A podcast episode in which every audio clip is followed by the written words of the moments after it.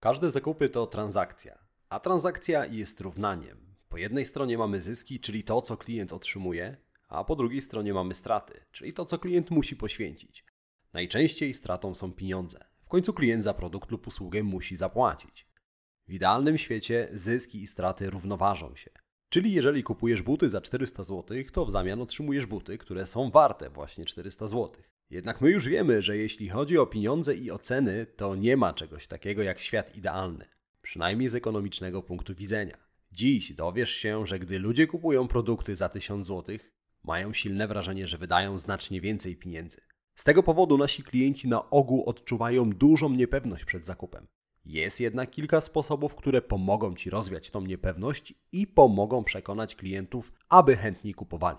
Ale to nie wszystko. Z tego odcinka dowiesz się również, jak sprawić, aby klienci chętniej wydawali u Ciebie więcej pieniędzy. Witam Cię w dziewiątym odcinku podcastu Marketing z głową. W tym podcaście zaglądamy do głów Twoich klientów i szukamy odpowiedzi na ważne pytanie: jak klienci podejmują decyzję o zakupie? Po co to robimy? Oczywiście po to, żeby robić jeszcze lepszy marketing i żeby lepiej sprzedawać Twoje produkty i usługi. W tym sezonie podcastu rozmawiamy o cenach. Przekonujemy klientów, żeby zapłacili Ci wyższą cenę za produkty lub usługi. Jeśli nie miałeś okazji odsłuchać poprzednich odcinków, to koniecznie do nich wróć.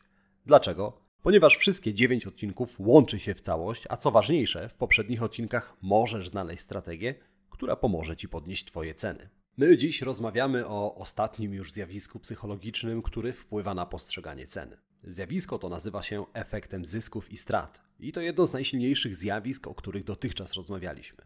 Osobiście uważam nawet, że najsilniejsze. Ja nazywam się Łukasz Chodorowicz i na co dzień pomagam firmom takim jak Twoja odnieść sukces, tworząc skuteczny marketing. Swoją wiedzę czerpię z badań na temat ekonomii behawioralnej, neuropsychologii oraz dziesięcioletniego doświadczenia w pracy z firmami takimi jak Twoja. Zaczynajmy!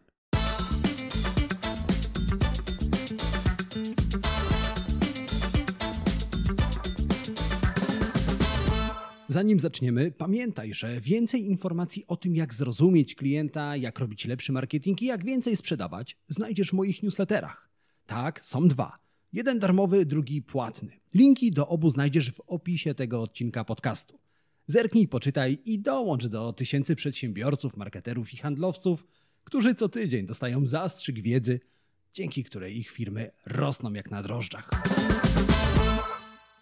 Wyobraź sobie, że zaproponowałem Ci udział w grze. Gra polega na rzucie monetą. Jeśli wypadnie orzeł, przegrywasz i musisz zapłacić mi 100 zł. No ale oczywiście możesz też wygrać, pod warunkiem, że wypadnie reszka. Wtedy ja zapłacę Tobie pewną kwotę. Zastanów się przez chwilę, ile pieniędzy musiałbym Ci zapłacić w razie wygranej, abyś zgodził się zagrać. 100 zł, 150 zł, 200 zł, a może 250 zł. Nie wiem jak Ty, ale ja zaryzykowałbym tylko, gdyby wygrana wyniosła co najmniej 200 zł. Takie pytanie zadał w pewnym eksperymencie Daniel Kahneman. Kahneman jest laureatem Nagrody Nobla w dziedzinie ekonomii. Ale jeśli słuchałeś poprzednich odcinków podcastu, to już o tym wiesz. Czego być może nie wiesz, to tego, że Kahneman dostał Nobla za sformułowanie teorii perspektyw. Teoria perspektyw to zbiór reguł, które opisują, jak ludzie podejmują decyzje w obliczu ryzyka. Taką ryzykowną decyzją jest udział we wspomnianej grze. Na pytanie o udział w grze większość osób odpowiedziało, że wygrana musiałaby wynieść około 250 zł, czyli zysk musiał być 2,5 raza większy niż potencjalne ryzyko. Na tej podstawie Kahneman obliczył, że współczynnik niechęci do straty wynosi właśnie 2,5. Innymi słowy, strata boli nas 2,5 raza bardziej niż zysk nas cieszy. Zależność między stratą a zyskiem Kahneman opisał na wykresie, który specjalnie dla Ciebie umieszczam w opisie odcinka. Zajrzyj do niego. Niechęć do straty jest niezwykle ważnym zjawiskiem, jeżeli mówimy o cenach, ponieważ nie tylko gra w rzut monetą jest sytuacją, w której pojawia się ryzyko. Taką sytuacją może również być jakikolwiek zakup. Bo umówmy się, to czy będziemy zadowoleni z zakupu okazuje się najczęściej dopiero po fakcie. Także ryzyko jest bliskim towarzyszem każdej transakcji. Każdej transakcji towarzyszy również ból zapłaty. Gdy rozstajemy się z ciężko zarobionymi pieniędzmi, nasz mózg odczuwa psychiczny ból. Przy czym dzięki teorii perspektyw wiemy, że ten ból jest w rzeczywistości 2,5 razy silniejszy, aniżeli wskazywałaby na to kwota, z którą musimy się rozstać. Innymi słowy, gdy kupujemy usługę, która kosztuje 1000 zł, cierpimy tak, jak gdybyśmy rozstawali się z 2,5 tysiącami złotych. Jeśli chcesz, aby klienci chętniej i więcej płacili za Twoje produkty lub usługi, musisz zniwelować niechęć do straty. Jak to zrobić? Mam dla Ciebie trzy cenowe strategie, które Ci w tym pomogą. Ale szczególnie interesująca jest ostatnia strategia. Nie tylko redukuje efekt niechęci do straty, ale dodatkowo przesuwa cenowy punkt odniesienia i może sprawić, że ludzie zostawią u Ciebie więcej pieniędzy niż wcześniej planowali. Zacznijmy jednak od strategii pierwszej, którą nazywam dziel i łącz. Ta strategia ma cztery warianty i polega na zarządzaniu korzyściami i stratami. W pierwszym wariancie dzielimy korzyści. Kojarzysz reklamy telezakupów? W których sprzedają m.in. niesamowite noże, cudowne garnki i mopy z wyciskaną gąbką Aqualaser 2000. Serio, laser w mopie. Każda z telereklam zbudowana jest według podobnego schematu. Weźmy na przykład pierwszą z brzegu reklamę noży. Na ekranie pojawia się cena 199 zł plus wysyłka, jak za jeden nóż dość drogo. Jednak każdy, kto oglądał telezakupy, wie, że zaczynają się niepozornie jak odcinek Złotopolskich. Ale wraz z upływem czasu akcja nabiera tempa rodem z mody na sukces. Zaczynamy od jednego noża w cenie 199 zł. Po kilku minutach pada pierwsze, ale to nie wszystko. I prowadzący dokłada drugi nóż do krojenia chleba. Wartość drugiego noża 59 zł. No ale skoro już pokroiliśmy chleb, trzeba go czymś posmarować, więc dokładamy kolejny nóż. Tym razem do smarowania masła. Wartość tego drugiego noża kolejne 59 zł. Zanim telereklama dobiegnie końca, prowadzący wypowie, ale to nie wszystko, jeszcze 7 razy. Dołoży nóż do ryb, do owoców, do warzyw, do mięsa, do papieru, nożyczki i dwie ostrzałki do ostrzenia noży. Za każdym razem wymieni cenę dodatkowych akcesoriów. A na koniec podsumuje cenę zestawu, który normalnie kosztowałby 799 zł plus wysyłka. Ale jeśli widzowie zadzwonią w ciągu godziny, ten wspaniały zestaw mogą kupić w cenie tylko jednego noża, czyli 199 zł plus wysyłka. Równie dobrze prowadzący mógłby po prostu sprzedać zestaw 8 noży w cenie 199 zł. Po co więc ten cały teatr? Chodzi o niechęć do straty i o łączenie korzyści. Noże w zestawie postrzegane są jako jedna korzyść, za którą klient płaci 199 zł. Ale ponieważ niechęć do straty jest 2,5 razy silniejsza od chęci zysku, klient odczuwa stratę tak, jakby płacił ponad 400 zł. Dlatego sprzedawca dzieli duże korzyści na kilka mniejszych. Zamiast sprzedawać wszystkie noże jako jeden zestaw, wymienia po kolei wszystkie elementy zestawu, a dodatkowo zwraca uwagę na cenę każdego elementu. Dlatego korzyści wynikające z zakupu Twojego produktu należy zawsze dzielić, tak aby klient poczuł, że dostaje nawet drobne korzyści, ale dostaje ich więcej. Z tego samego powodu, zamiast dawać pracownikom jedną dużą podwyżkę, lepiej rozbić ją na kilka mniejszych w ciągu roku. Kilka mniejszych podwyżek sprawi pracownikom więcej radości niż jedna duża.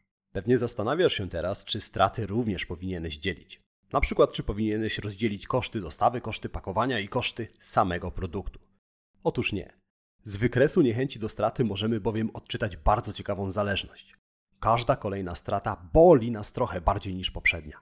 Dlatego w przypadku strat obowiązuje odwrotna reguła. Straty należy łączyć. To właśnie drugi sposób zarządzania korzyściami i stratami. Wyobraź sobie, że idziesz na spacer. W kieszeni masz 500 zł w różnych banknotach. W pewnym momencie orientujesz się, że zgubiłeś wszystkie pieniądze. Odczuwasz ból związany ze stratą. Pewnie jesteś nawet wściekły, ale ostatecznie po jakimś czasie ci przechodzi i gdy wracasz do domu, zapominasz o stracie. A teraz wyobraź sobie podobną sytuację, ale tym razem najpierw gubisz tylko 100 zł. Odczuwasz lekki ból związany ze stratą i szybko przekładasz pieniądze do drugiej kieszeni. Pech jednak chciał, że w drugiej kieszeni masz dziurę i po 5 minutach znowu gubisz 150 zł. Tym razem znowu odczuwasz ból, a do tego nieco większy niż poprzednio. W sumie straciłeś już 250 zł.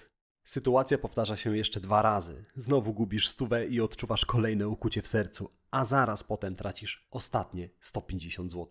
Gdy wracasz do domu, jesteś praktycznie psychicznym wrakiem człowieka. Krótki spacer zmienił się w horror, a wszystko za sprawą niechęci do straty. Dlatego, gdy klient płaci za Twój produkt, staraj się, aby robił to raz. Raz za dobrze, jak to mówią. W każdym razie, koszty lepiej łączyć w całość, niż rozbijać je na drobne opłaty. Z tego samego powodu, gdy musisz komuś przekazać kilka złych informacji, lepiej przekaż je wszystkie naraz. Nie rozwlekaj tego w czasie. Ludzie w większości wypadków wolą szybko zerwać plaster. Z wykresu niechęci do straty możemy wycisnąć coś jeszcze. Trzeci sposób polega na łączeniu małych strat z dużymi zyskami. Wyobraź sobie dwie bardzo podobne sytuacje. W pierwszej sytuacji dostajesz mandat za złe parkowanie. Zaparkowałeś na przejściu dla pieszych, stajesz się lżejszy o 250 zł. Pewnie teraz pukasz się w głowę i myślisz, że nigdy nie zrobiłbyś nic tak głupiego, ale słuchaj dalej. Druga sytuacja jest podobna. Również dostajesz 250 zł mandatu za złe parkowanie, ale wcześniej założyłeś się ze znajomym o to, kto zaparkuje samochód w bardziej ekstremalnym miejscu. Oczywiście wygrałeś zakład, stąd ten mandat. Twój znajomy musi wypłacić ci 1000 zł. Jak sądzisz, w której sytuacji strata 250 zł na poczet mandatu zaboli cię bardziej? W pierwszej czy w drugiej, gdy wcześniej wygrałeś 1000 zł? Tak myślałem. Ten przykład pokazuje, że jeśli chcesz zniwelować małe straty, powinieneś łączyć je z dużymi zyskami. Załóżmy, że prowadzisz warsztat samochodowy. Klient przyprowadza ci samochód i mówi, że do wymiany ma klocki hamulcowe. Ale gdy tak rozbierasz ten samochód, to okazuje się, że akurat klocki hamulcowe to jedyna rzecz, której wymieniać nie trzeba. Wszystko pozostałe do wymiany.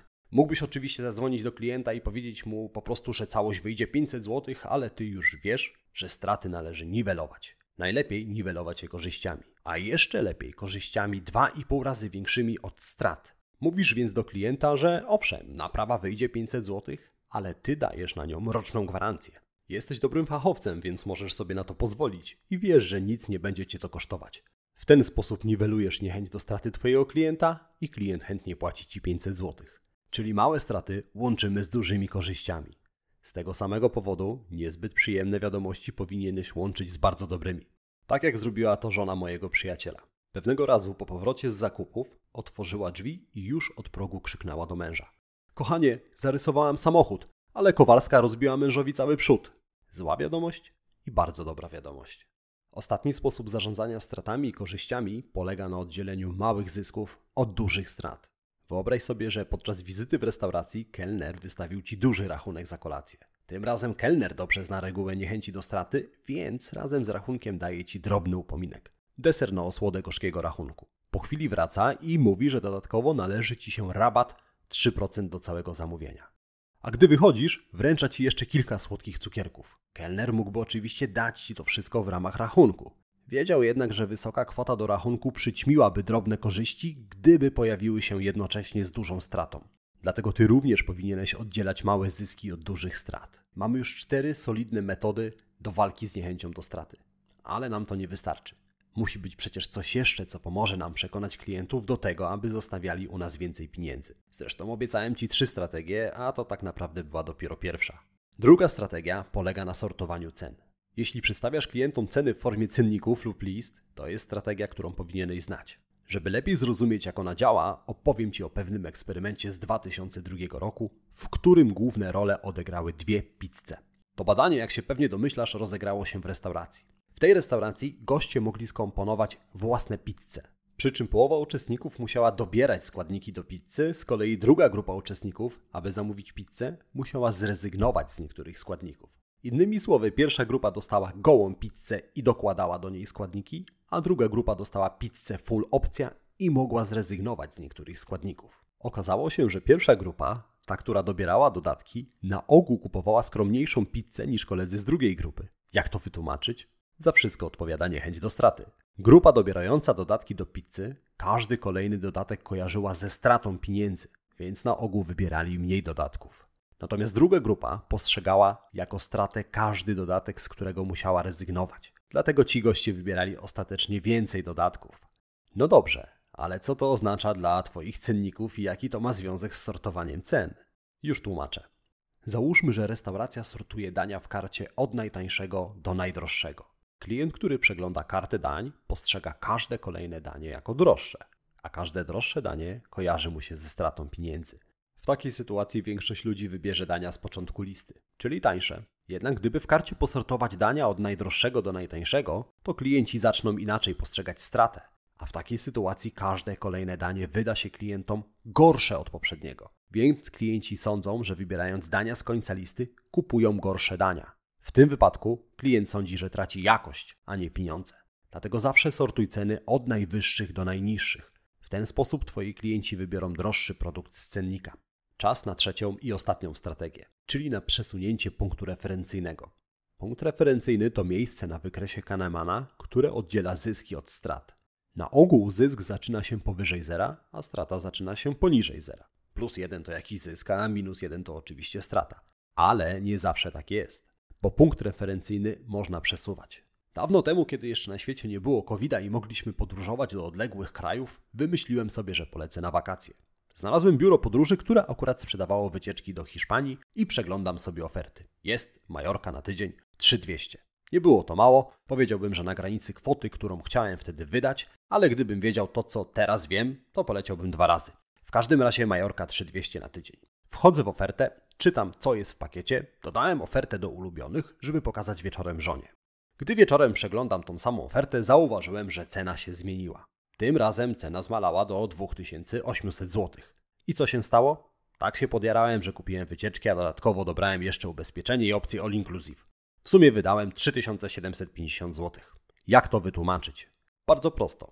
Gdy po raz pierwszy oglądałem ofertę biura podróży, wyświetliła mi się cena 3200. To była kwota, którą zaakceptowałem, czyli strata finansowa, z którą już się pogodziłem. A więc punkt referencyjny ustawiłem na kwocie 3200 zł.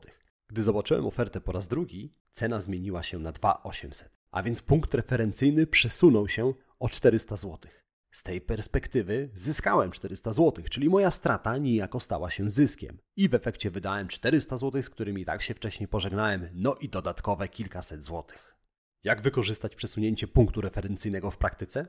Załóżmy, że projektujesz strony internetowe i składasz ofertę klientowi. Mówisz mu, że strona będzie kosztowała 11 tysięcy złotych, ale Ciebie tak naprawdę interesuje kwota zbliżona raczej do 5,5 tysiąca złotych.